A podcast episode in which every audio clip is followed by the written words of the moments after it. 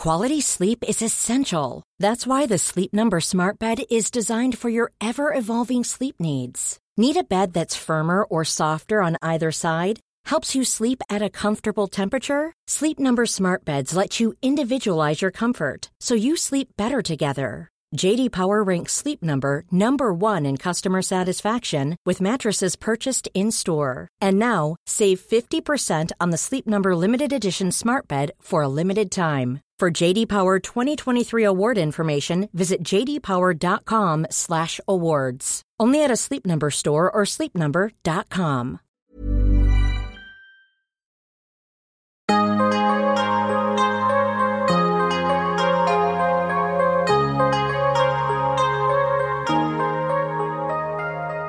Vores mentale sundhed er nedadgående, og det er til trods for, at vi aldrig har været rigere, aldrig har haft flere muligheder og aldrig har levet længere. Det skal vi selvfølgelig tale højt om, så vi kan blive klogere på, hvordan vi får det bedre. Podcasten her handler om, hvordan vi kan lykkes med at være gladest og friest muligt i det ofte ret travle liv, vi har. Og den handler om, hvordan vi kan lykkes med at være både professionelt ambitiøse og passe på os selv på samme tid. Jeg taler med eksperter og privatpersoner om alt det, der fylder inde i os. Min erfaring er, at når vi taler højt om de ting, så opdager vi, at der er mange andre, der bøvler med de samme ting. Og jeg tror virkelig på, at vi kan lære af og inspirere hinanden ved at dele vores sårbarheder, erfaring og viden. Så velkommen til Vores Mentale Sundhed, en Mindcare Collective podcast.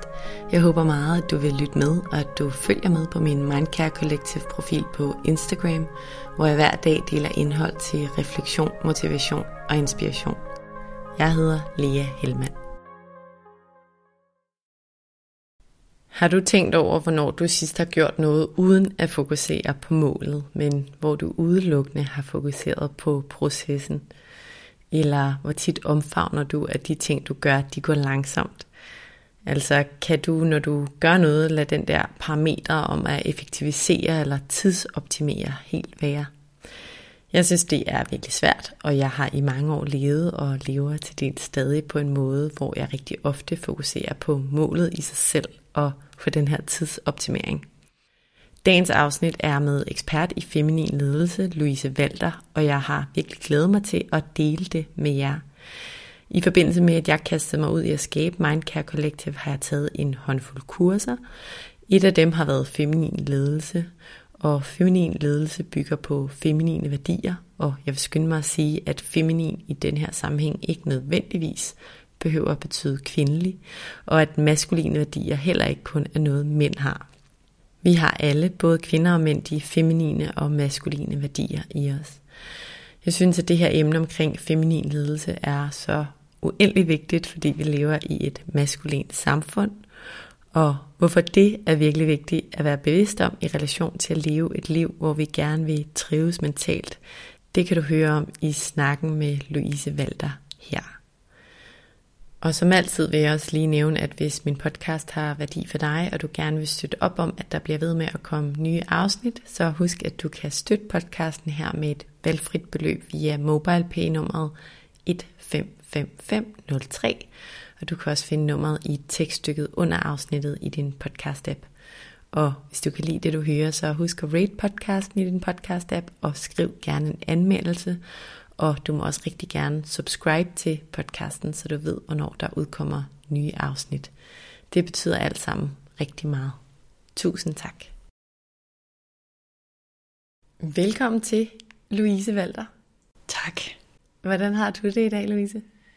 Jamen, jeg har det dejligt. Jeg har glædet mig til at se dig og til at tale om det her emne, som ligger mig meget nært. Ja, dejligt. Jeg har også glædet mig. Og jeg har glædet mig, fordi det vi skal tale om, det er noget, jeg synes er rigtig vigtigt at være bevidst om, og det er også vigtigt ideelt at handle på i vores fortravlede moderne samfund. I dag der skal vi nemlig tale om feminin ledelse og feminine værdier. Vi skal tale om, hvad det egentlig er, og vi skal tale om, hvorfor det er vigtigt at kende til, og vi skal tale om, hvad vi selv kan gøre for at praktisere det i vores liv.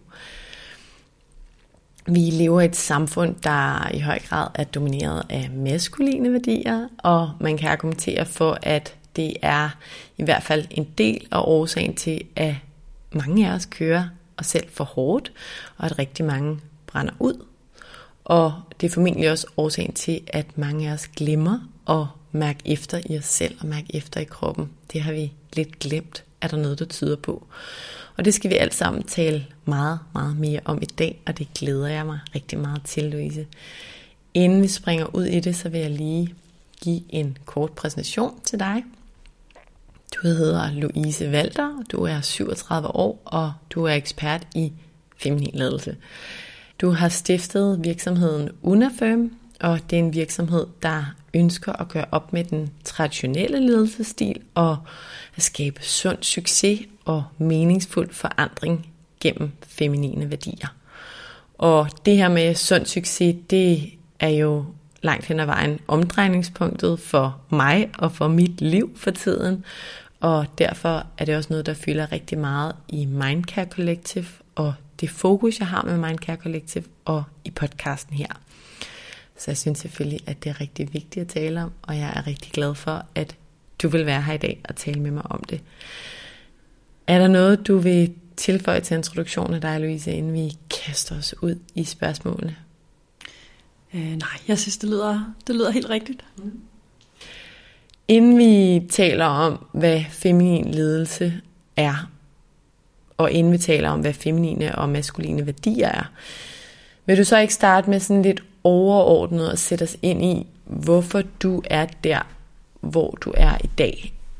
Jeg har taget kurset Feminin Ledelse hos Unafirm, som jeg har fortalt, og derfor der har vi to talt ret meget sammen siden da, og jeg ved, at vi har en masse ligheder i den forstand, at vi begge på hver vores måde er stoppet op på et tidspunkt i vores stadig ret unge liv som kvinder, vil jeg sige, og har stillet spørgsmål til den fart, vi ligesom har lagt for dagen i lang tid.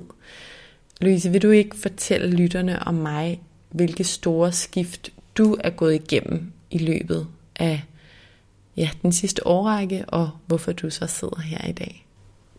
Jo, det kan du tro.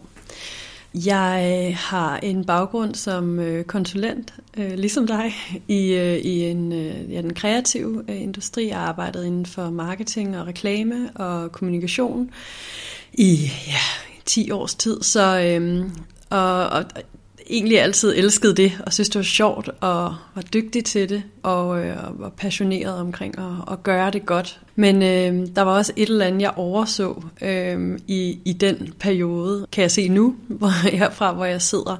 Øh, og, og det var den del, der gjorde, at jeg af nogle omgange måtte, måtte sige, sige stop og, og trække vejret. Jeg tog nogle lange pauser fra, fra arbejdet, hvor jeg var ude at rejse, og finde mig selv, øh, i hvert fald finde et eller andet. Øh, jeg var meget søgende, og, og er i sted, til stadighed øh, meget søgende og, og nysgerrig.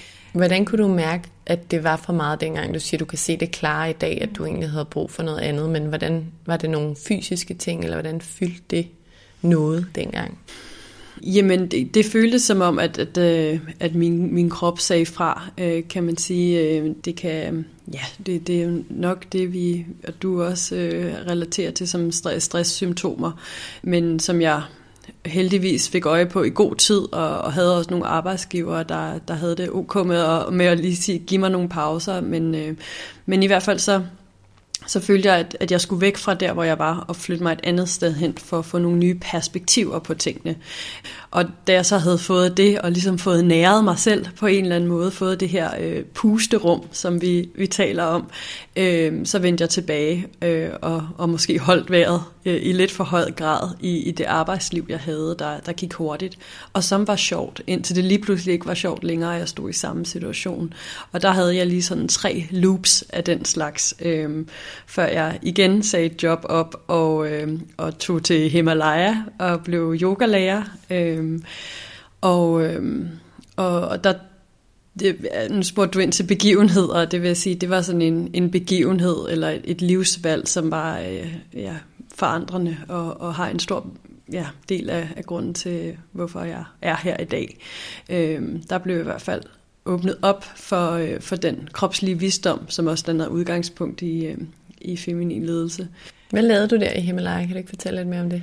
Jo, jamen altså, jeg, øh, jeg tog en, øh, en, en yogauddannelse øh, meget intensivt øh, fra syv morgen til syv aften. øh, øh, sad vi på et øh, cementgulv oppe i bjergene, der lige øh, tre huse fra Dalai Lama, og øh, spiste på en, på en helt anden måde. Meget ayurvedisk, øh, vegetarisk, øh, og øh, ja, der var der var bjerge, og der var køer, der var natur, og det hele var meget øh, spirituelt.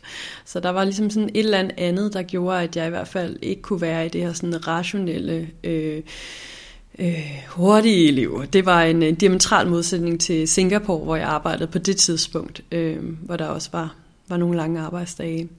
Så, så, så en kæmpe kontrast, og også et, øh, et fællesskab med, øh, med andre mennesker, som også søgte noget af det samme. Øhm. Da du kommer tilbage derfra, hvad, hvad tænker du så, der skal ske i dit liv? Jamen, jeg vælger faktisk at tage videre til Bali derfra, og, og, og bruger nogle måneder der på os at dykke ned i det her, og begynder allerede der at undervise i yoga øh, og, og på en eller anden måde øh, få nogle idéer til, hvordan mit liv skal, skal forme sig. Og jeg laver også nogle løfter for mig selv, der handler om, at jeg aldrig mere vil arbejde fuld tid, og jeg vil aldrig mere have så travlt, som jeg føler egentlig, at jeg altid har haft. Øh, men så kommer jeg hjem, og så øh, bliver jeg tilbudt et job, og så, og så, så tager vi lige en runde til, og når jeg siger det her, er det også med et smil på læben, for der er øh, absolut ingenting af det her, jeg fortryder. Øh, og, øh, og for mig var det i virkeligheden, øh, ja, øh, i det job lærte jeg også helt vildt meget, øh, som jeg bruger i dag. Øh, men, men det var stadig øh, en, øh, en form, som ikke var helt autentisk øh, i forhold til, hvad, hvad jeg gerne ville.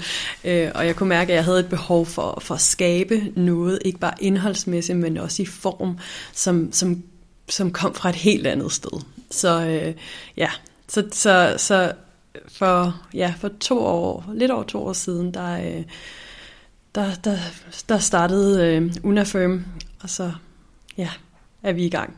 Er du her i dag? Ja. Jeg synes, der er, der er flere ting i det, du siger, der er interessant. Det er jo en vildt spændende rejse. Ja. Det første, jeg tænker, er det her med, at du mærkede efter på et tidspunkt, hvor du kunne mærke nogle symptomer. Det kan jeg også huske fra, fra sidste år, hvor jeg også kunne mærke noget, og jeg har talt rigtig meget i den her podcast om min bihule og de smerter, der var, og jeg begyndte også sådan at tabe virkelig meget hår. Jeg ved ikke helt, hvad det hang sammen med, om det var et eller andet med en fødsel eller, eller ikke. Og sådan. Men pointen er det her med, at der er også mange, der, der først brænder ud, og så gør noget. Mm. Og vi nåede måske også, dig og mig, lidt for langt i forhold til, hvad godt egentlig er i, i det her liv, og den kæmpe værdi, vi kan få ud af livet. Så tror jeg bare det, budskabet er bare, det er så vigtigt ikke at mærke efter, apropos kroppen, det der med, at kan det være rigtigt, at jeg har skulle ondt i, i min bihuler i fem år, eller at du har kunne mærke nogle andre symptomer, at, at vi er opmærksomme på dem, og, og tør gøre noget, før det sådan reelt er en stresssygemelding. Ja. For jeg tror, at det kan være svært at at retfærdiggøre over for sig selv, at mm. nu er det alvorligt nok til at gøre noget.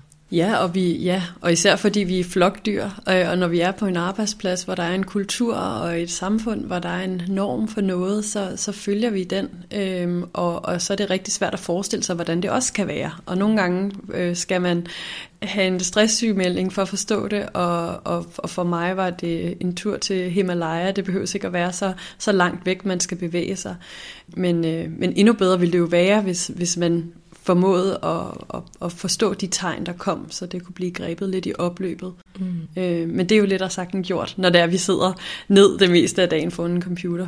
100 procent. Ja. Og den anden ting, der vil også relatere til det her med, det er svært, det er det, du siger med, at du, du gav dig selv nogle løfter, og så kommer du tilbage og får et job og tænker, måske dit ego, det, det er da rimelig lækkert. Altså, jeg kan 100% se mig selv i det. Og det der med, at vi det, det er svært at gøre op med vores gamle overbevisninger, og det skal vi også anerkende, at selvom vi lærer noget nyt og har nogle intentioner, der er nye og anderledes, så skal vi heller ikke slå os selv i hovedet, når, når vi måske går to skridt frem og et tilbage, fordi det er svært mm. at ændre de der ting. Louise, vil du ikke konkretisere det her med feminin ledelse for os. Jeg tænker, at du kan starte med at sætte os ind i, hvad feminine og maskuline værdier er, og så kan vi bagefter tale om, hvordan de her værdier kan blive tænkt ind i en ledelsesform. Så hvad er feminine og maskuline værdier? Jamen, øh, lad os starte med det maskuline, som øh, er de værdier, vi, vi kender rigtig godt, og som, øh, som føler sig rigtig godt hjemme i det her patriarkat, som vi øh, er del af.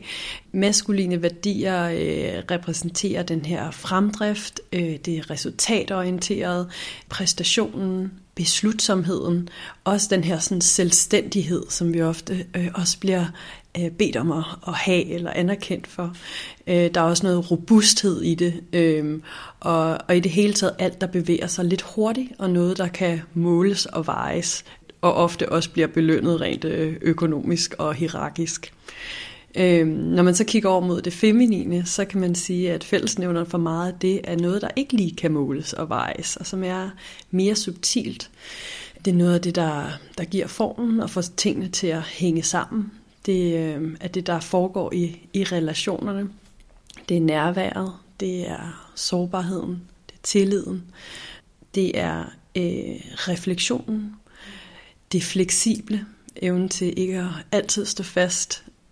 Noget af det, som ja, vi i virkeligheden øh, tænker, noget af det, vi i virkeligheden øh, måske øh, uden at sætte ord på det, øh, værdsætter allermest ved dem, vi holder af, men i, et, øh, i en arbejdssammenhæng øh, ser mere som en, en, en rar ting at have, øh, og ikke noget, vi, vi skal have nødvendigvis. Ja. Og der er også det her med processen, ikke? det er i hvert fald noget, jeg virkelig kan huske, jeg hæftede mig med. Altså, det, alt det første, du sagde, det, det kan jeg jo virkelig genkende fra mit liv, og det er jo langt hen ad vejen, sådan vi bliver skolet i samfundet, så igen skal jeg ikke slå mig i hovedet over, at, at det er sådan, men jeg har bare virkelig taget den til mig, og på trods af, at jeg har været på, på dit eller jeres kursus, og øver mig i også at være i processen og være i intuition, så er jeg bare en, der i hvert fald endnu per default gerne vil effektivisere og nå mål. Og det der med faktisk at, at slette målet, det prøvede jeg jo lidt, da jeg kastede mig ud i Mindcare Collective at sige, okay Lea, nu har du for første gang ikke et langsigtet mål. Du ved, du vil lave en podcast, og den skal du lave, men hvor du skal hen, og hvad du så skal, og hvad der skal altså indtjene pengene, det skal du ikke forholde dig til lige nu. Og vi har også haft nogle dialoger undervejs, og sådan, jeg synes, det er virkelig svært. Ja, og det, det synes jeg også. Øh, og, og det er det jo fordi, at, at de her to øh, energier, værdier, yin og yang, det feminine og det maskuline, de, de foregår i, i øh, eller de skal helst finde et eller andet god balance og, og spille sammen. Øh, fordi som, som du siger, så det her med at, at kaste sig ud i noget uden at vide, hvor det, det skal hen. Det kan være helt rigtigt en periode, men så kommer der måske også en periode, hvor man siger, okay, nu vil jeg faktisk gerne sætte mig et mål, eller prøve på en eller anden måde at forstå, hvad, hvilken retning navigerer jeg imod. Øh, og det betyder også altså ikke, at vi hele tiden skal tænke på det mål, men det giver os en eller anden tryghed i at vide, at vi kan være i processen, fordi vi har en retning på det. Og det er jo sådan et ret godt eksempel på, hvordan det maskuline og det feminine, det kan bo samme sted. Man kan sige, udfordringen kommer, og stressen og den her ubalance, når det er, at vi kun fokuserer på, på det her resultat, på at nå derhen. Når det er, at processen er det, der fylder det meste af vores liv. Og, øh, og hvis den bare skal overstås, jamen, så er det jo en lille smule øh, som at sige, at vores liv skal overstås, for vi kan nå til de her milepæle, som vi ofte ikke engang formår at værdsætte, øh, før vi er videre til den næste øh, milepæl. Ja, vores hjerne er jo indrettet sådan, at når vi når et mål, så laver vi et nyt. Det bliver kaldt en hedoniske trædemølle, og det gør jo netop, at vi risikerer at løbe mod noget mm. hele livet, frem for at nyde og være i nuet, som tror jeg, de fleste efterhånden godt ved, er, er virkelig vigtigt for vores glæde at være i. Jeg synes også, den pointe, du, du nævner her med balancen, er, er vigtig, for jeg tror, mange kunne udfordre de her feminine værdier og sige, jamen, så når vi jo slet heller ikke noget, og hvad med strukturen i samfundet, og alt sådan noget. Og ja, balance tror jeg er vigtig for, for os alle sammen, og for ja, at have med, fordi selvfølgelig må vi gerne have mål og tænke på resultater og være lineære og eksekverende. Mm. Men vi skal også huske, som du siger, den, den anden del. Ja, og der, og der kan man med fordel også kigge på det som noget, man kan gøre sig umage indenfor. Ikke kun, hvad skal jeg opnå, øh, og hvor skal jeg hen, men, men hvem er jeg i, i den her proces? Øh, hvordan navigerer jeg? Hvordan relaterer jeg til andre? Øh, hvad er det for nogle dynamikker, der er på spil? Hvad får jeg tilbage? Og virkelig prøve at, at åbne op for den del, øh, og se i processen, hvad det er, der kommer og, og hvordan det er med til at bidrage til måske et resultat, der går i en anden retning, øh, fordi at, at der er nogle andre ting i spil, en anden opmærksomhed. Og det er noget af det, jeg personligt tror på, at øh, feminin ledelse, øh, feminin ledelse kan. Øh, øh, når, vi, når vi tager den her fleksibilitet med ind, så kan vi også sige, jamen når vi ikke står så fast på, hvad resultatet skal være, og hvad facit er, jamen, så kan vi faktisk måske give plads til noget helt nyt, noget helt uventet. Når, når kreativitet og intuition kommer på banen, jamen så kan det være, der åbner sig nogle nye døre, og det er jo sådan, vi kan skabe forandring, forhåbentlig. Et helt lavpraktisk eksempel, jeg lige tænker på, når du nævner det her med med hvem vi er. Det er altså det er helt nede på jorden, men det der med, når vi er til middagsselskaber og skal præsentere os for andre. Mm. Jeg tænker, øh, lytterne kan med fordel lige prøve det af næste gang, at nogen er sådan, hvem er du? Mm. At man siger til sig selv, nu må jeg ikke nævne mit arbejde. Nu skal jeg beskrive mig selv med, med noget andet. Og hvad er det så, vi, vi finder frem til i forhold til, til, hvem vi er? Det synes jeg er, det synes jeg er ret interessant. Og den anden ting, du siger det her med, at der kan komme kreativitet. Mm ja, noget andet ud af at, at læne sig ind i sin intuition. Det er det her flow-begreb. Mm. Det har jeg hørt mange steder. Kan du sætte nogle ord på det? Quality sleep is essential. That's why the Sleep Number smart bed is designed for your ever-evolving sleep needs. Need a bed that's firmer or softer on either side? Helps you sleep at a comfortable temperature? Sleep Number smart beds let you individualize your comfort so you sleep better together. JD Power ranks Sleep Number number 1 in customer satisfaction with mattresses purchased in-store. And now, save 50% on the Sleep Number limited edition Smart Bed for a limited time. For JD Power 2023 award information, visit jdpower.com/awards. Only at a Sleep Number store or sleepnumber.com. Hiring for your small business? If you're not looking for professionals on LinkedIn, you're looking in the wrong place. That's like looking for your car keys in a fish tank. LinkedIn helps you hire professionals you can't find anywhere else, even those who aren't actively searching for a new job but might be open to the perfect role. In a given month, over 70% of LinkedIn users don't even visit other leading job sites. So start looking in the right place. With LinkedIn, you can hire professionals like a professional. Post your free job on linkedin.com slash achieve today.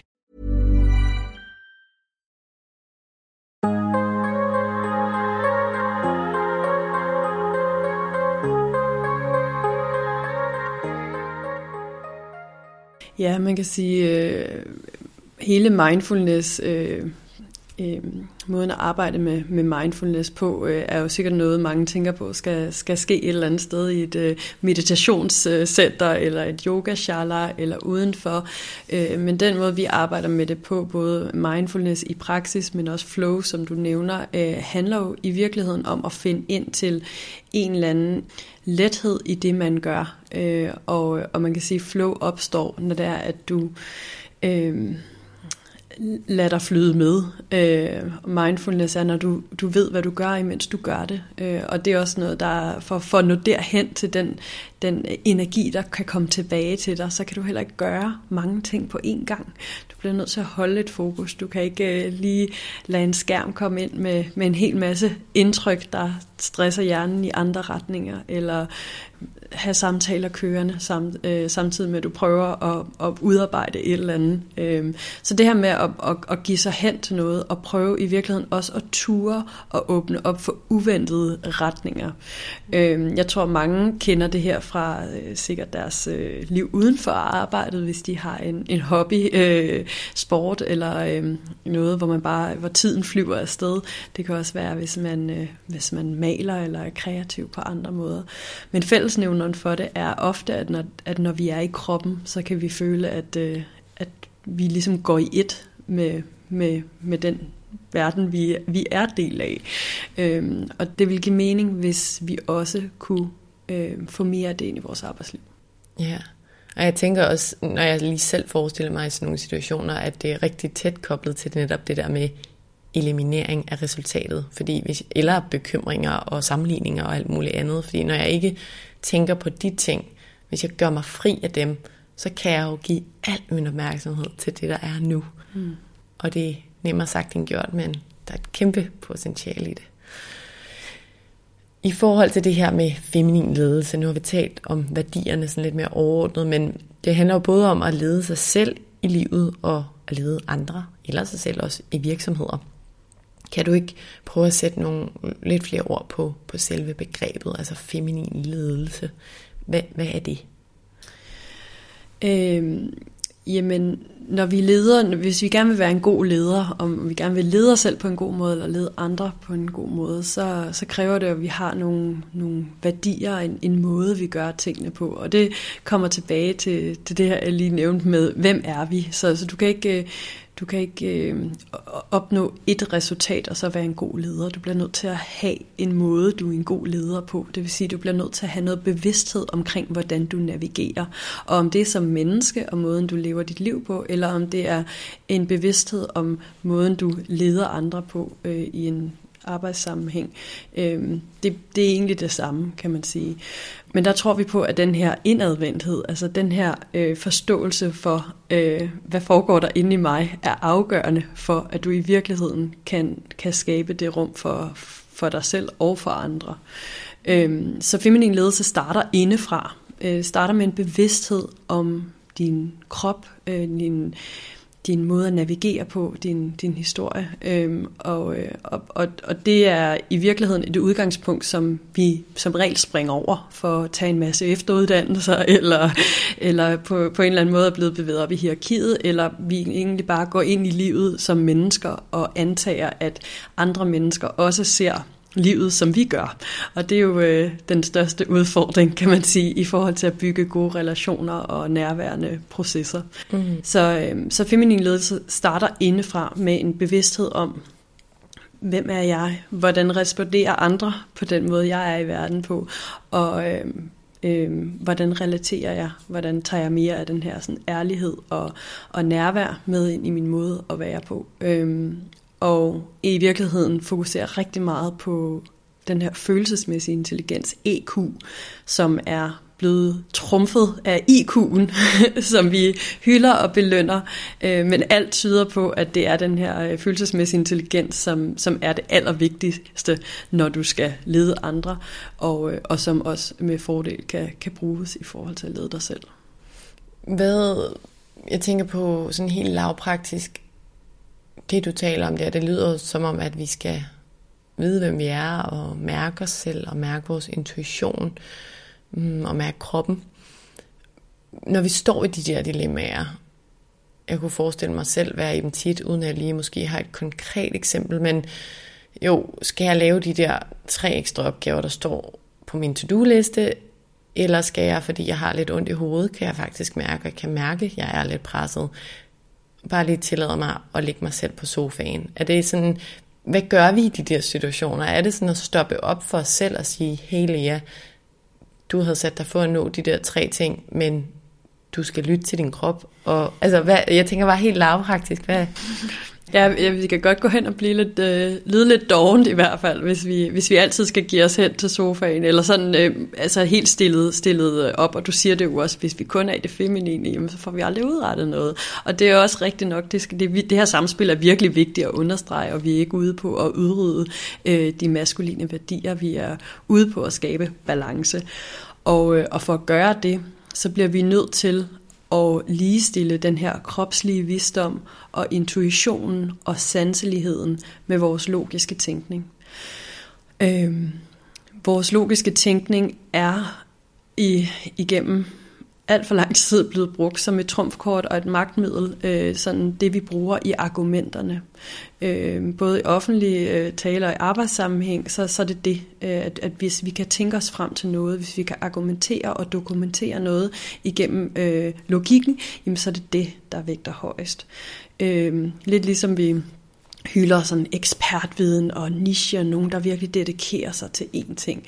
Øh, der tror jeg, og, og hele den måde, vi taler om feminin ledelse på, at der skal være ligesom plads til at udfolde mere af det, vi har. Øh, og at vi ikke skal gå på arbejde eller gå til os selv og ligesom øh, skære øh, kroppen fra og kun være i, i hovedet. Øh, fordi så, så, så bruger vi for det første ikke det potentiale, vi har, øh, hvilket er enormt øh, synd øh, for os selv og for verden og for de mennesker, der er omkring os. Øh, men vi bliver også syge af det. Ja, og jeg, jeg er helt enig i dine din pointer, og kan jo også godt kende det fra mig selv. Jeg tror bare, jeg synes, det er svært, hvordan man egentlig skal navigere i det, fordi lad os gå tilbage til det der eksempel, hvor jeg står der, og sådan, skal jeg lige holde en pause, som jeg reelt kan mærke, jeg har brug for, eller skal jeg lave de tre opgaver? Hvornår, altså fordi igen, balancen er vigtig, men hvornår giver jeg så mig selv lov til den der pause? Altså, hvad er det, jeg skal sige til mig selv? Er det bare, Lea, du ved, at balance er vigtig, nu ligger du der lige ned, eller sætter dig ned og slapper af, eller går en tur. Altså, forstår du, hvordan, hvordan skal vi gøre det i vores liv? Skal vi fortælle os det? Eller? Altså som udgangspunkt er det altid en god idé at holde en pause, hvis man føler, man har brug for den, vil jeg sige. Og det eksempel, du giver, der, og du har ondt i hovedet, der synes jeg også, det er en endnu bedre idé at holde den her pause. Og det er faktisk også vist øh, med pauser, at de med fordel kan tages øh, øh, proaktivt, så man tager øh, pauserne, før man bliver træt, øh, og tænker på øh, sit hoved, som vi jo ofte bruger på arbejde, lidt som sådan en øh, motor, der kører, og hvis den når at blive alt for varm, øh, jamen, så skal pausen også være længere. Så mange af de her små pauser kan med fordel øh, lægges ind, også for at give noget balance i processen, øh, så vi ikke øh, kun tonser 95% mod, hen mod resultatet for så at fortjene en pause.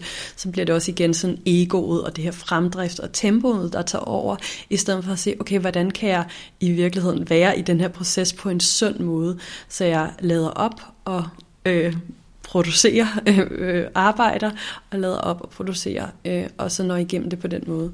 Og der kan man jo eksperimentere med, hvad, hvad er et godt interval for mig, hvornår mister jeg koncentrationen, og så prøve i virkeligheden for et øjeblik at, øh, at lægge de her ting på hylden, den måde man kan dømme sig selv på omkring, øh, hvorvidt man har ret til en pause, og hvad man burde, og hvad andre forventer. Og så prøv at starte fra det der udgangspunkt, hvor man siger, der er ikke nogen, der ved, hvad der fungerer for mig, andre end mig. Så nu skal jeg virkelig lære at forstå, hvordan jeg bliver den bedste version af mig selv øh, for min arbejdsgiver, øh, men også som, som menneske. Mm. Ja, fordi det er jo netop både på arbejdet, men jo også i vores eget liv i forhold til alle vores andre gøremål og to-do's, at det her er relevant.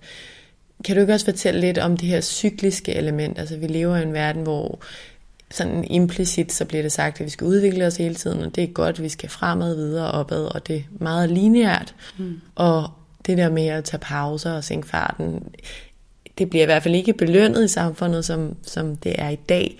Hvorfor er den her cykliske bevidsthed og accept så vigtig? Jamen det er den, fordi det er et øh, udgangspunkt øh, og en præmis for at kunne få øh, den her sunde succes, som vi begge to er ret interesseret i og nysgerrige omkring. Og igen kan vi meget nemt øh, overse udgangspunktet og, og, og egentlig bare kigge på, hvad vi har og hvordan vi kan bygge oven på det.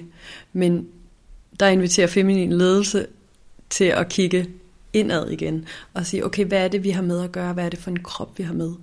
Så når vi arbejder med kvinder, så starter vi med at kigge på, på den cyklus, øh, vi har. Øh, nogle vil bare sige, at vi har menstruation en gang om, om måneden cirka, øh, men, men det handler om meget mere. Der foregår enormt meget på et hormonelt plan, øh, altså rent biologisk. Der er ikke det behøver ikke, man behøver ikke at være spirituel for, for i virkeligheden at kunne, kunne købe ind på den her. Øh, man kan bare kigge på et, øh, et, et, et overblik over, hvordan vores hormoner bevæger sig. Så kan man se, at der er to kæmpe store bølger, der bevæger sig i, i løbet af en cyklus.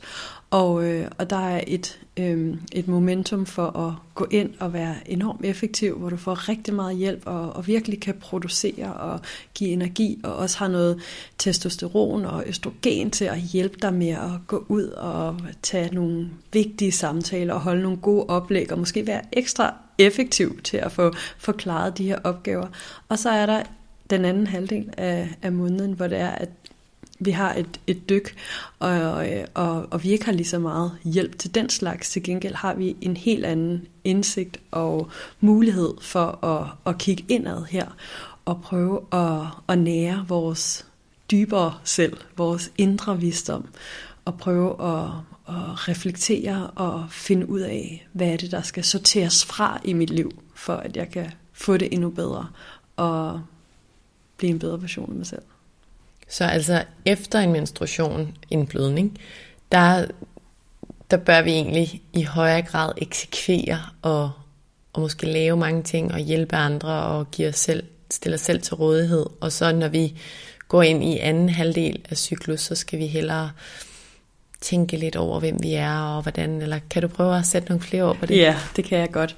Øhm, overordnet, og den, den sådan nemmeste måde at forstå det på, synes jeg, er at tale om det i årstider og arketyper. Vi kender årstiderne fra, fra verden udenfor, øh, og øh, dem kan vi jo også med fordel være meget mere opmærksom på at følge, fordi vi også er en del af naturen.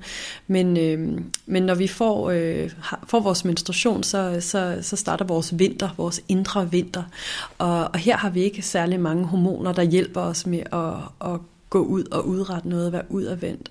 Øhm, faktisk så kalder den her øh, periode, den her uges tid øh, efter menstruation på, at vi kigger indad og, øh, og trækker os en lille smule og, og, og i virkeligheden kigger på nogle, nogle dybere lag. Så arbejdsmæssigt vil det være et godt tidspunkt at, at, at, at knække den der nød, eller i virkeligheden øh, øh, måske få nogle større idéer, se nogle større sammenhænge, øh, men, og, og i, i privat i det hele taget se, måske om man kan tage en hjemmearbejdsdag, eller få en lille smule ro fra børn, eller hvad der ellers måtte være, der, der, kunne, der kunne tage opmærksomhed. Og det er den periode, hvor vi bløder? Det er den periode, hvor vi bløder, ja. Så det er vores indre vinter. Ja, så masser af selvkærlighed i den periode, og en, en visdom, som man kan være nysgerrig på, og måske øh, skrive nogle ting ned, i stedet for, for at være alt for social og uden. Øh, og herefter så kommer, ligesom udenfor, kommer foråret, hvor alting spiger, øh, og, og, og det afspejler rigtig fint øh, det indre landskab, hvor der hormonerne begynder at rejse sig op, og vi begynder at få noget østrogen, som kan give os noget power og noget øh, sådan fløtende energi. Så øh, øh, jeg glemte at sige, at vinterens sådan arketype, det er den her viskvinde. Øh, forårets arketype er sådan en jomfruelig, en lille smule overfladisk, let energi, hvor vi sådan øh, danser lidt hen over tingene. Arbejdsmæssigt er det et godt tidspunkt, der sådan initiere projekter og øh, planlægge ting og sætte ting i gang. Øh, og derefter kommer sommeren, og det er sådan en moderlig, rummelig energi. Så det er der, vi kan virkelig få eksekveret, øh, have jobsamtalen, øh, have lønforhandlingen, præsentere, øh, bruge den her udadvendte, sommerlige, frodige, blomstrende øh, energi, som, som ja, man kan sige, i samfundet måske håber, vi har hele tiden, men som vi altså virkelig har for fuld drøn der. Øh, og, og, og det kan nærmest føles sådan helt overnaturligt, hvor meget man kan nå, og hvor meget man kan gøre, og hvor mange mennesker man kan være i kontakt med i den her periode. Øh, og så kommer der et dyk herefter, som er øh, efteråret, Øh, og det er det, vi også kender som PMS, meget udskældt fase. Og øh, derfor er øh, arketypen også her øh, heksen, som også er meget udskilt, med, øh, eller udskilt men også enormt øh, magisk og øh, uforudsigelig. Øh, og i virkeligheden øh, en arketype, der, der ikke rigtig finder sig i noget. Så vores øh, lunde er en lille smule kortere her, og det kan vi godt have det med at undskylde lidt over, øh, både over for omverdenen, men også bare sådan øh, i sådan offentlig, offentlig udskamning af, af den her periode. Øh, jeg har også tidligere virkelig sådan undskyldt omkring, jeg har også, øh, når jeg ikke har været bevidst om det her, øh, troede, at jeg var deprimeret og virkelig følt mig helt nede i kulkælderen. Øh, men når man forstår, at den her periode, øh, der, der ligger lige op til øh, menstruationen, er et vindue til, øh, til oprydning, til udsmidning af alt det, der ikke fungerer, øh, så kan man bruge det aktivt, og så kan man øh, arbejde med det rum og den indre sådan, hekseenergi, der er i det, som er enormt fed, og som også kan bruges i, i arbejdssammenhæng. Så faktisk alle de her årstider øh, kan også oversættes til en projektfase, hvor vi med fordel øh, som kvinder eller øh, menneske med, med cyklus øh, kan, kan, kan arbejde cyklisk og bruge de her forskellige facetter, så vi, øh, vi ikke tænker tingene linært. Øh, de er langt fra linære, og virkelig prøver at bruge de her energier, de her hormoner, øh, til den måde, vi arbejder på og er på. Ja, tak for at afklare. Jeg synes i hvert fald øh, efter kurset, at det der med bare at blive bevidst om min cyklus har gjort mig rigtig meget, eller gjort rigtig meget godt for mig. Jeg Øh, lever bestemt ikke en til en med, hvad jeg måske burde gøre i de forskellige årstider, men jeg kan virkelig mærke, at det giver mig meget. Bare at være bevidst om, måske især i det der efterår og i vinteren, at der bliver lidt mere også melankolsk, og der er måske nogle ting, jeg, jeg tager mere nært, og sådan, bare det der at vide, om nogle dage, så ser det anderledes ud. Altså, det kan man, eller så kan jeg lade være at grave mig ned i de der bekymringer, der måske fylder, og så bruge tiden på noget andet, og så lige pludselig er de der ikke mere. Så det har hjulpet mig rigtig meget. Og en anden ting, jeg synes er meget relevant omkring det her med cyklus, er jo, at vi er begyndt at snakke meget mere om det i samfundet, men langt hen ad vejen, at det er jo ikke noget, vi taler om. Og det her med menstruation, altså jeg kan huske den gruppe, vi sad til, til, til kurset der, uden at udlevere detaljer, så var det bare et emne, som meget få, altså det her med menstruation, havde et sådan fuldstændig stolt forhold til, fordi måske ikke fordi bevidst, at vi ikke var stolte over det, men, men sådan, hvem talte man egentlig med det om? Også dengang man fik menstruation, og hvad er det egentlig for en størrelse, når man altså, går med det der bind eller tampon i hånden ud mod toilettet. Altså det er jo sådan en lille smule skamfuldt næsten, eller man har da i hvert fald ikke lyst til at vise den. Og det er bare, når vi er så mange kvinder, det er jo nærmest knap halvdelen af befolkningen, der har den her, eller de fleste har en cyklus og har menstruation, at det stadig er så, jeg ved ikke, om jeg vil kalde det tabuiseret, men det er det jo nok. Vi taler i hvert fald ikke om det. Hmm. Og det synes jeg er virkelig interessant. Ja, det er, det er et, en kæmpe skam, at, at, at det ikke jeg ja, er blevet bevidstgjort. Men heldigvis, som du også siger, er der, er der rigtig meget øh, røre nu her. Øh, der, der er nogle ting, der rører på sig. Øh, så det ikke kun er menstruation, der kan netop tage og føles på og ses ud i virkeligheden, der bliver anerkendt som det, der er. Men at der også er en hel masse andre ting, at vi kan stoppe med at undskylde vores PMS, og at vi kan være stolte af at have en, en krop, som, som giver os nogle helt overnaturlige øh, kræfter, og så virkelig bare øh, dyrke dem. Øh, og man kan sige, jeg møder også mange spørgsmål omkring det her med, sådan, jamen, hvordan, hvordan skal man overhovedet kunne gøre det, når man nu lige har indrettet et liv med et fuldtidsjob og familie og alt, der skal passes. Øh, hvordan skal jeg så have tid til det her? Og der er også nogen, der siger, at jeg, jeg har ikke lyst til at dyrke det så meget, og jeg har ikke lyst til at være for bevidst om det her. Det kan være en lille smule øh, skræmmende også at træde ind i det her.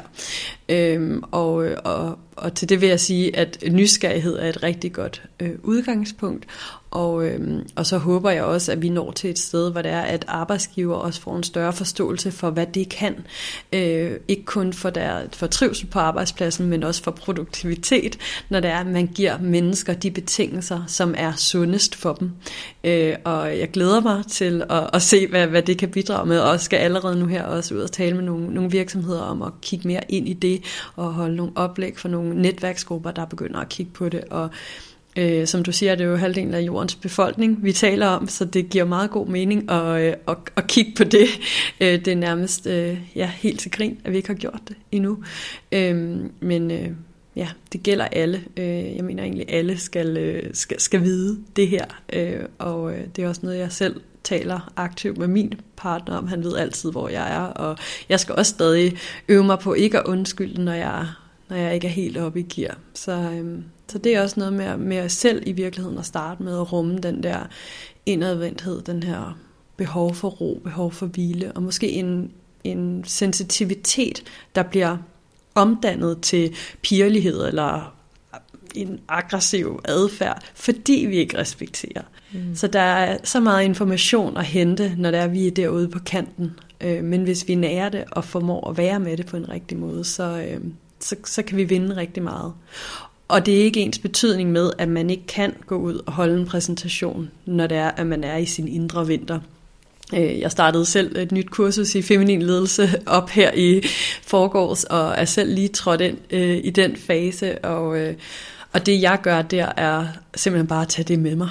Så jeg forventer ikke, at jeg skal stå og, og flagre i en sommerenergi og, og, og være øh, helt perfekt og udadvendt på den måde, sprudlende. Det, det, det får de om, øh, om et par uger, men, øh, men lige nu, der, der starter det ud med en, med en rolig og, og mere sådan øh, groundende energi. Så, så der er også øh, en, en, Ja, jeg vil invitere i virkeligheden øh, lytterne og, og, og invitere også øh, kvinderne på kurset til at, at, at, at, at prøve at træde ind i den energi, og så prøve at gøre det, I skal gøre, men være bevidst om energien. Mm. Inden vi lige taler lidt mere om, hvad vi kan gøre, nu taler du meget om det her med cyklusen, og at vi med fordel jo så også kan være bevidst om den og track den, så kommer jeg også til at tænke på noget, du også nævnte på kurset. Du sagde lige før det med, jeg undskylder heller ikke mere for mig selv, når, når jeg er måske lidt træt eller lidt nærtagende, hvis man må sige det. Mm. Men du gav det her eksempel, det så det relaterer sig ikke nødvendigvis til, til cyklus, men at vi har også en tendens til, hvis vi ikke får svaret på en mail med det samme, at starte mm. med, beklager min lange svartid. Og det synes jeg var ret interessant. Jeg gør det stadig nogle gange, men jeg tager mig også i at prøve at lade være nogle gange, fordi det er virkelig, uh, gør op med mit mode, jeg har været i livet på, og vi har haft 24 timers regler med at svare på e-mails på mit arbejde, og jeg kan jo rigtig godt se, at det giver mening, fordi jeg vil skulle også gerne have svar, når jeg skriver en mail. Mm. Men på den anden side kan jeg også virkelig godt se det der med, at det er okay at give det tid, og når vi giver noget tid, behøver vi heller ikke nødvendigvis at undskylde for det. Det synes jeg var et ret fint eksempel. Ja, og du har jo startet din egen virksomhed, øh, ligesom mig, og, og, og så kan man sige, så har vi jo selv øh, muligheden for at bestemme, hvordan vi bruger tiden, og have respekt for tiden. Øh, og øh, når man gør det, har man øh, langt hen ad vejen, i hvert fald mange af de kvinder, jeg har mødt, også en interesse i at, at, at give den her øh, tid en, en værdi, som man ikke har givet den før. Øh, som som, hvor det måske har været økonomien, eller øhm, hierarkiet, eller titlen, eller nogle andre ting, som, som styret. Øhm, så det her med at kigge på tiden også, og, og se, jamen, hvor lang tid tager opgaverne egentlig? Hvad, hvad er realistisk? Hvordan skaber jeg de her nye rammer og, og regelsæt for mig selv, som er realistiske? Øhm, så, så vi også nærer vores projekter og, og respekterer den tid, de skal bruge for at udvikle sig. Øh, det er noget, jeg kan se med det her kursus, som jeg kører nu for femte gang, og øh, ja, at det, at det, sådan, det skulle lige manifestere sig i verden, og så begynder der at komme nogle ting. Øh, og jeg har lige fra starten af øh, ja, lovet mig selv, at, at jeg skal ikke øh, derud, øh, hvor det er, at det kommer til at gå for hurtigt, fordi så er det ikke det værd. Øh, og når det så er sagt, så er jeg også flere gange kommet til at sidde øh, altså helt på autopilot, sat mig op og sat mig foran computeren og tænkt, nu skal jeg have en arbejdsdag, for nu er jeg på arbejde. Og, og i virkeligheden øh, er den måde, jeg arbejder bedst på, er ved meget korte intervaller øh, ved computeren, og så bruge flere øh, øh, mere tid øh, udenfor og i samtaler og ved møder, og så tænke det sammen med, med, med de muligheder, min cyklus giver mig. Så det, øh, det har jeg fået godt integreret nu, og det kan jeg afsløre en, en succes for mig i hvert fald. Ja. ja. Og det er jo bare svært, tænker jeg, for mange, eller det tror jeg i hvert fald, det vil være for mig, og sådan være 100% tro imod den her tilgang, selvom jeg virkelig gerne vil. Men det der med, at vi jo lever i et samfund, hvor belønningsstrukturerne er nogle andre end, end at vi dyrker pauserne, og vi får løn på en bestemt måde, på nogle baggrund af nogle bestemte KPI'er. Altså hele det her samfund er bare maskulin domineret, ikke? Mm. Og, det, og det gør det lidt svært. Jeg kommer i tanke om en anden ting også fra kurset, når nu vi taler de her eksempler og du sagde i starten det her med, at øh, også i forhold til cyklus, at der er måske nogle perioder, hvor man har mere energi at give og kan hjælpe andre, og andre perioder, hvor man ikke har lige så meget energi. Og samtidig lever vi også i et samfund, hvor vi bliver hyldet for at være selvstændige og hver mand sin lykkes med og gøre det hele selv. Og der havde I en øvelse, hvor vi skulle kigge hinanden i øjnene, trække hånden frem, tage den anden i hånden og spørge, vil du hjælpe mig? Og kigge den anden dybt i hånden, hvor de, den anden så skulle svare på den ene gang, på den ene øvelsesrunde, ja, det vil jeg gerne. Mm. Og i den anden øvelsesrunde, egentlig, eller jeg har ikke tid lige nu, måske senere. Mm. Jeg får helt kuldegysninger, når du sidder og siger det. Ja. Men det var også virkelig jo simpelt, men enormt både lidt grænseoverskridende og powerful. Altså det der med at spørge en anden, vil du hjælpe mig? Og på en eller anden måde lægge sig ned, som i samfundet nogle gange kan se som sådan, du kan ikke selv. Men vi er jo flokdyr, og hvorfor skal vi ikke hylde, at vi kan hjælpe hinanden? Mm. Og at vi så også kan tage imod et nej, når der ikke er hjælp at hente. Fordi rigtig mange, måske især kvinder, også har en tendens til at være lidt plisende. Helt sikkert, ja. Og jeg prøvede det efterfølgende, og så nogle gange, jeg er typen, der gerne, jeg klarer bare tingene selv. Men jeg tog et par gange mig selv i sådan aktivt også at spørge min kæreste, vil du hjælpe mig? Også i stedet for at hentyde til, om han måske kunne gøre noget mellem linjerne. Og det, øh, det er jo også klar kommunikation, som jo også en anden del af, af feminin ledelse. Ja. Måske du kan fortælle lidt om, om kommunikationsdelen. Ja, det vil jeg gerne. Og bare lige til den note, så vil jeg lige anbefale en bog, der hedder The No Club, som, øh, som netop handler om det her emne med, at øh, kvinder er øh, alt for gode til at sige ja, også på arbejdet. Øh, så øh, det betyder, at vi laver enormt meget ikke forfremmende arbejde, og, og arbejder mange flere timer end vores mandlige kollegaer, fordi vi hjælper hister her, og, øh, og, øh, og, og vi bliver spurgt først, og det bliver forventet, at vi sagt, siger ja, hvorimod at mændene ikke forventes at, at sige ja, de forventes derimod at sige nej, og de bliver øh, også spurgt øh, meget mere sjældent end, end os.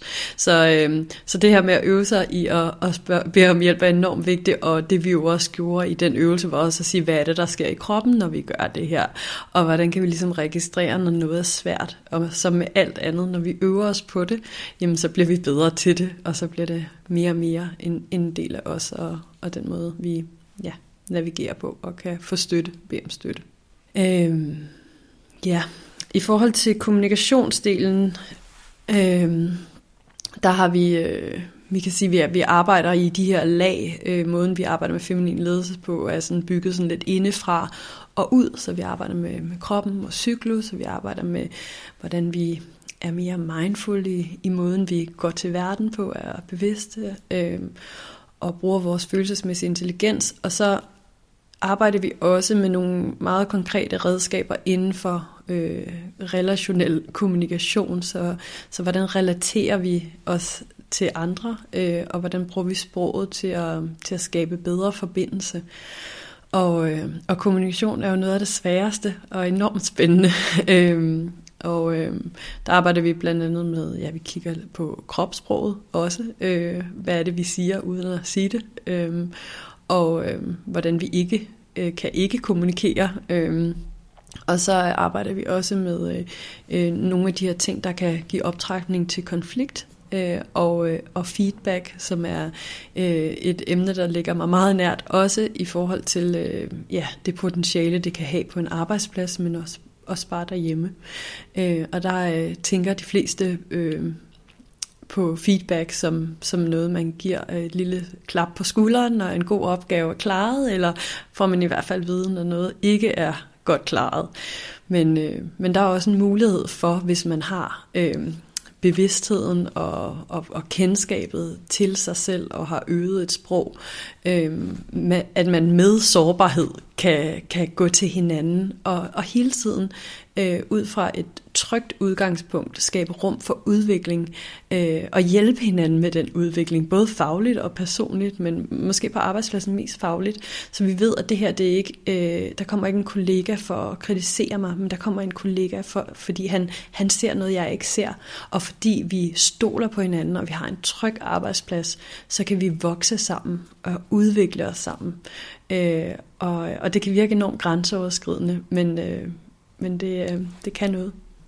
Og det er jo et kæmpe emne, det her med kommunikation, men virkelig, virkelig spændende. Helt vildt. Fordi også, som du siger, når vi ikke kommunikerer, så kommunikerer vi også, og Nå jo, er der mange ting. ja, men det er, det er der. Det er der. Øhm, men, øh, men det her med, med at få en, at man kan sige, hvis man, hvis man har en, øh, hvis man formår at, øh, at investere i, i den her øh, trygge kultur, så kan de her ting vokse ud, og så kan man øve sig i nogle redskaber. Øh, så, så den her måde at, og, øh, at, at udvikle sig sammen på, det bliver en integreret del af det. Øh, og, øh, og hvis man, hvis man kan sige, hvis der er en tendens til, at man går hjem og deler de ting, der ikke fungerer, så er der i hvert fald et eller andet, øh, der kan justeres på. Og det tror jeg alle sammen, vi kan genkende. Vi kommer hjem og brokker os over en eller anden kollega eller en eller anden chef.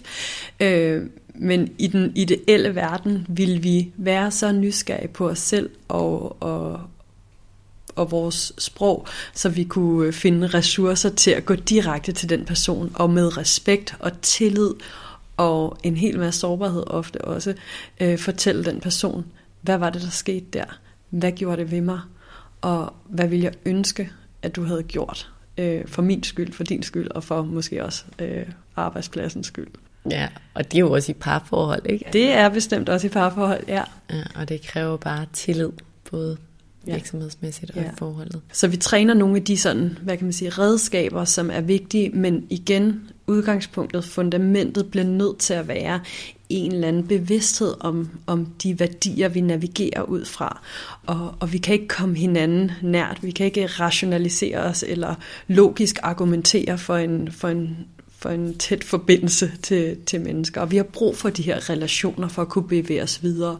Øhm, og også noget, vi ser nu her, altså at øh, arbejdspladser ikke længere ser som, som noget, øh, der bare er øh, nice to have, men de bliver nødt til at lade, tage stilling til nogle ting. Hvordan er det?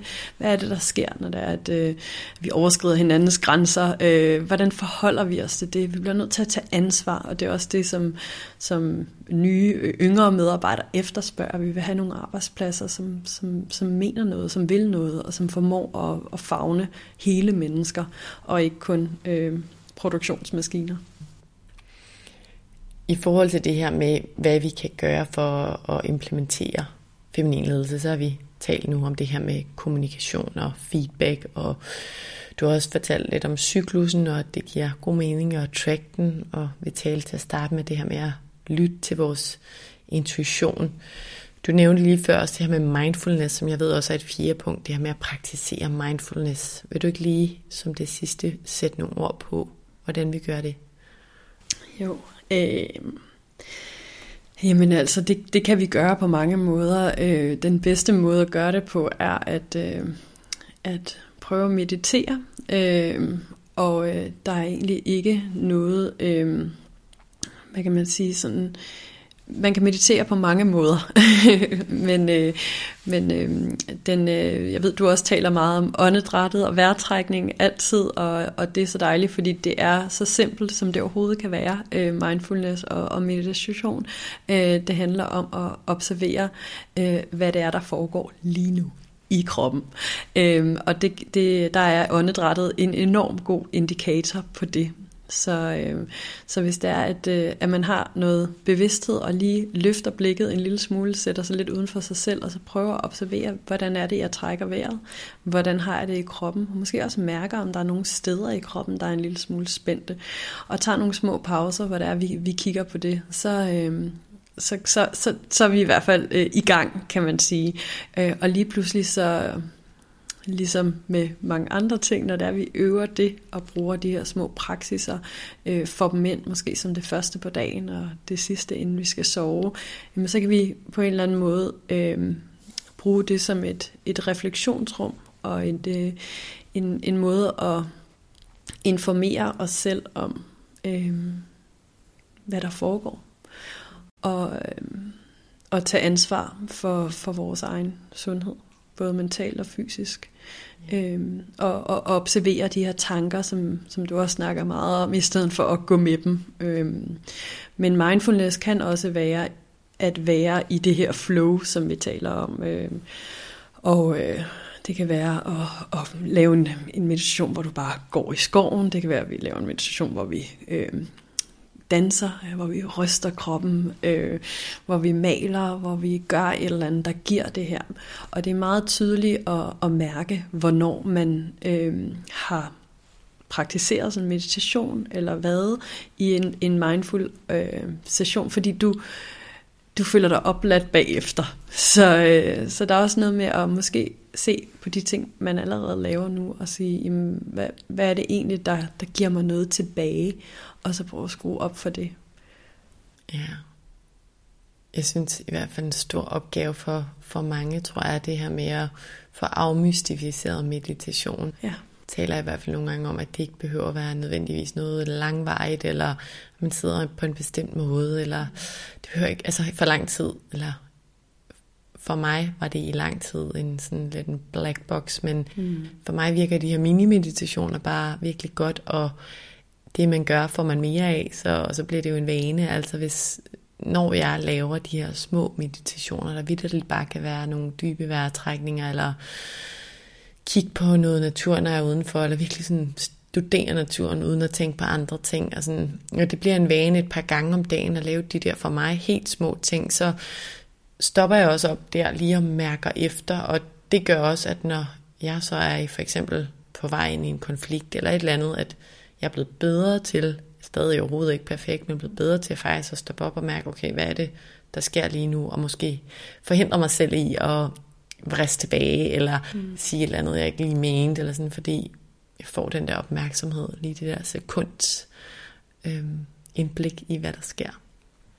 Ja, Ja, og det, altså, det er jo også en enorm god måde at, at lære sig selv at kende på, øh, at være i den her stillhed. Øh, men også når vi er i, i dialog med andre, det der går forud for kommunikationen, at vi forstår, jamen, hvad, er det, hvad er det, vi reagerer ud fra her? Øh, er det vores øh, sanser? Kan vi mærke et eller andet? Er det vores følelser, der har noget at gøre med noget, vi har oplevet før, som minder om det her? Eller er det vores tanker, der gerne vil et eller andet sted hen? Øh, og så prøve at skille de ting ad. Øh, og det er også en, en fin meditationsøvelse at prøve at forstå, okay, hvad, hvad er der for nogle tanker, hvad er der for nogle følelser, hvad er der for nogle sansninger, og en eller anden, ja, sådan en, en teori på, på, på en selv en måde at, at skille de her ting ad, og virkelig prøve at kigge indad og se, jamen, hvad er hvad her? Øh, og, og der, vil, der vil komme mange, mange svar på måske et eller andet mønster, som man har bøvlet med, når det er, man formår at skille de ting ad. Øhm, og, og prøve at studere sig selv en lille smule, i stedet for at være for optaget af at nå nye steder hen og, og, og sammenligne sig med, med det, der er. Og det er jo enormt svært, øh, når det er, der er så mange ting, der inviterer til det.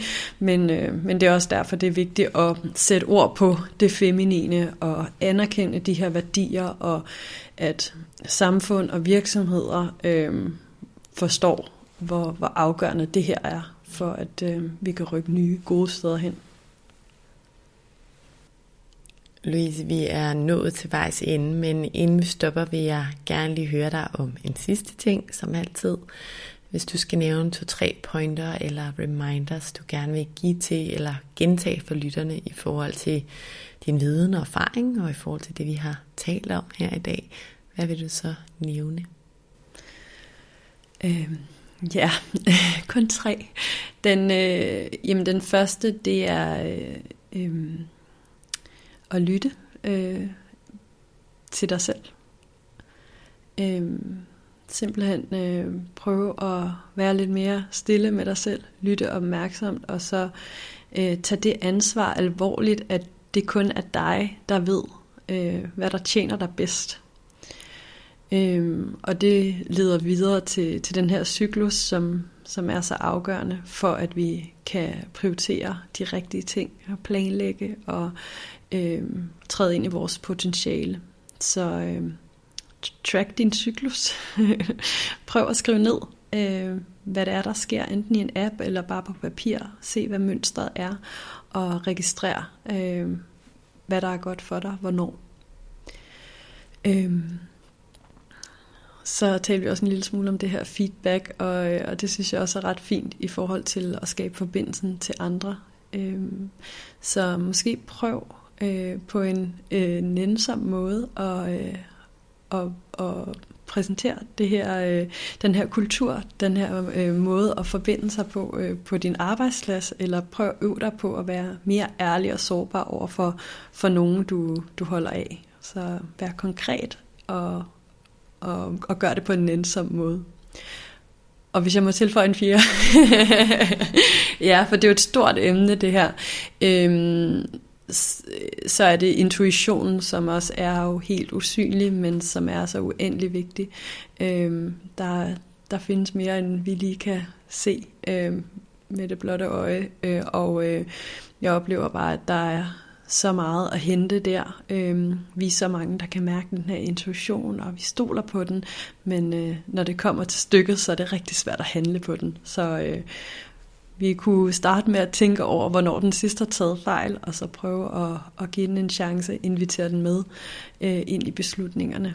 Og øh, ja. Og den hænger vel også rigtig fint sammen med dit første punkt ja, om at lytte. det har du helt ret i. Ja. Så, så på den måde er der lige en lille cirkel omkring alle de pointer. ja. Tusind tak, fordi du vil være med i dag, Louise. Jeg er helt overbevist om, at det her emne det er kommet for at blive.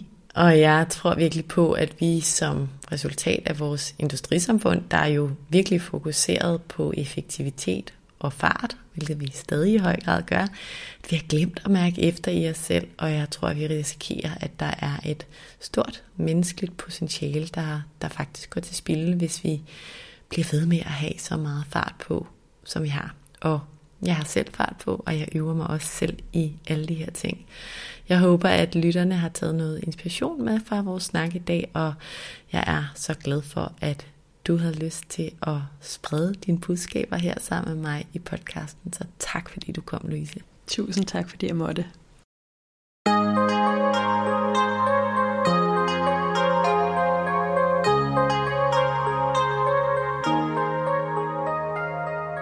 Jeg synes virkelig, at det her med feminin ledelse er interessant, og som jeg nævnte, så tror jeg personligt, at vi kommer til at se og høre meget mere om det her med at mærke efter i os selv, og om intuition og om en cyklisk livsstil i fremtiden. Du kan jo med fordel selv prøve at lægge mærke til de her ting i dit liv og i din krop, og se hvad der sker, når du faktisk lytter til det, lytter til dig selv. Og som Louise helt rigtigt sagde, når alt kommer til alt, så er du den, der bedst ved, hvad der fungerer for dig. Der ligger også en artikel af Louise Walter omkring det her emne feminin ledelse inde på min Mindcare Collective hjemmeside, hvis du vil læse en komprimeret version af, hvad feminin ledelse er, hvis du lige vil have opsummeret pointerne omkring, hvad vi reelt kan gøre for at leve efter feminine værdier. Det kan være, at du på et tidspunkt lige tænker, at oh, hvad var det nu? Så kan du selvfølgelig genhøre podcasten her, eller læse artiklen inde på min hjemmeside. Tusind tak, fordi du lyttede med i dag. Hvis du kunne lide det, du hørte, så håber jeg, at du vil rate og anmelde podcasten, og at du vil trykke på subscribe-knappen, så du altid ved, hvornår der kommer et nyt afsnit. Det betyder helt enormt meget. Du er som nævnt selvfølgelig også meget velkommen til at støtte podcasten her med et valgfrit beløb, hvis du kan lide, hvad du hører, og gerne vil have, at der bliver ved med at komme nye afsnit. Det kan du gøre via MobilePay-nummeret 155503, som du også finder i tekststykket under afsnittet i din podcast-app. Som det aller sidste vil jeg også opfordre dig til at skrive til mig, hvis du har noget på hjerte, eller hvis der er nogle særlige emner, du rigtig gerne vil høre om i relation til mental sundhed og i forhold til, hvordan vi bliver friest, sundest og gladest muligt i det liv, vi har. Skriv til mig via min Instagram-profil Mindcare Collective, hvor jeg i øvrigt håber, at du følger med, eller skriv til mig via min hjemmeside mindcarecollective.com. Tak fordi du lyttede med.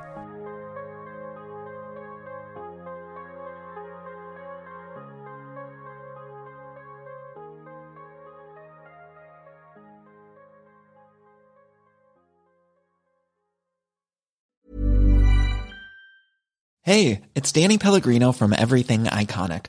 Ready to upgrade your style game without blowing your budget? Check out Quince. They've got all the good stuff, shirts and polos, activewear and fine leather goods, all at 50 to 80% less than other high-end brands. And the best part? They're all about safe, ethical, and responsible manufacturing. Get that luxury vibe without the luxury price tag. Hit up quince.com slash upgrade for free shipping and 365 day returns on your next order. That's quince.com slash upgrade.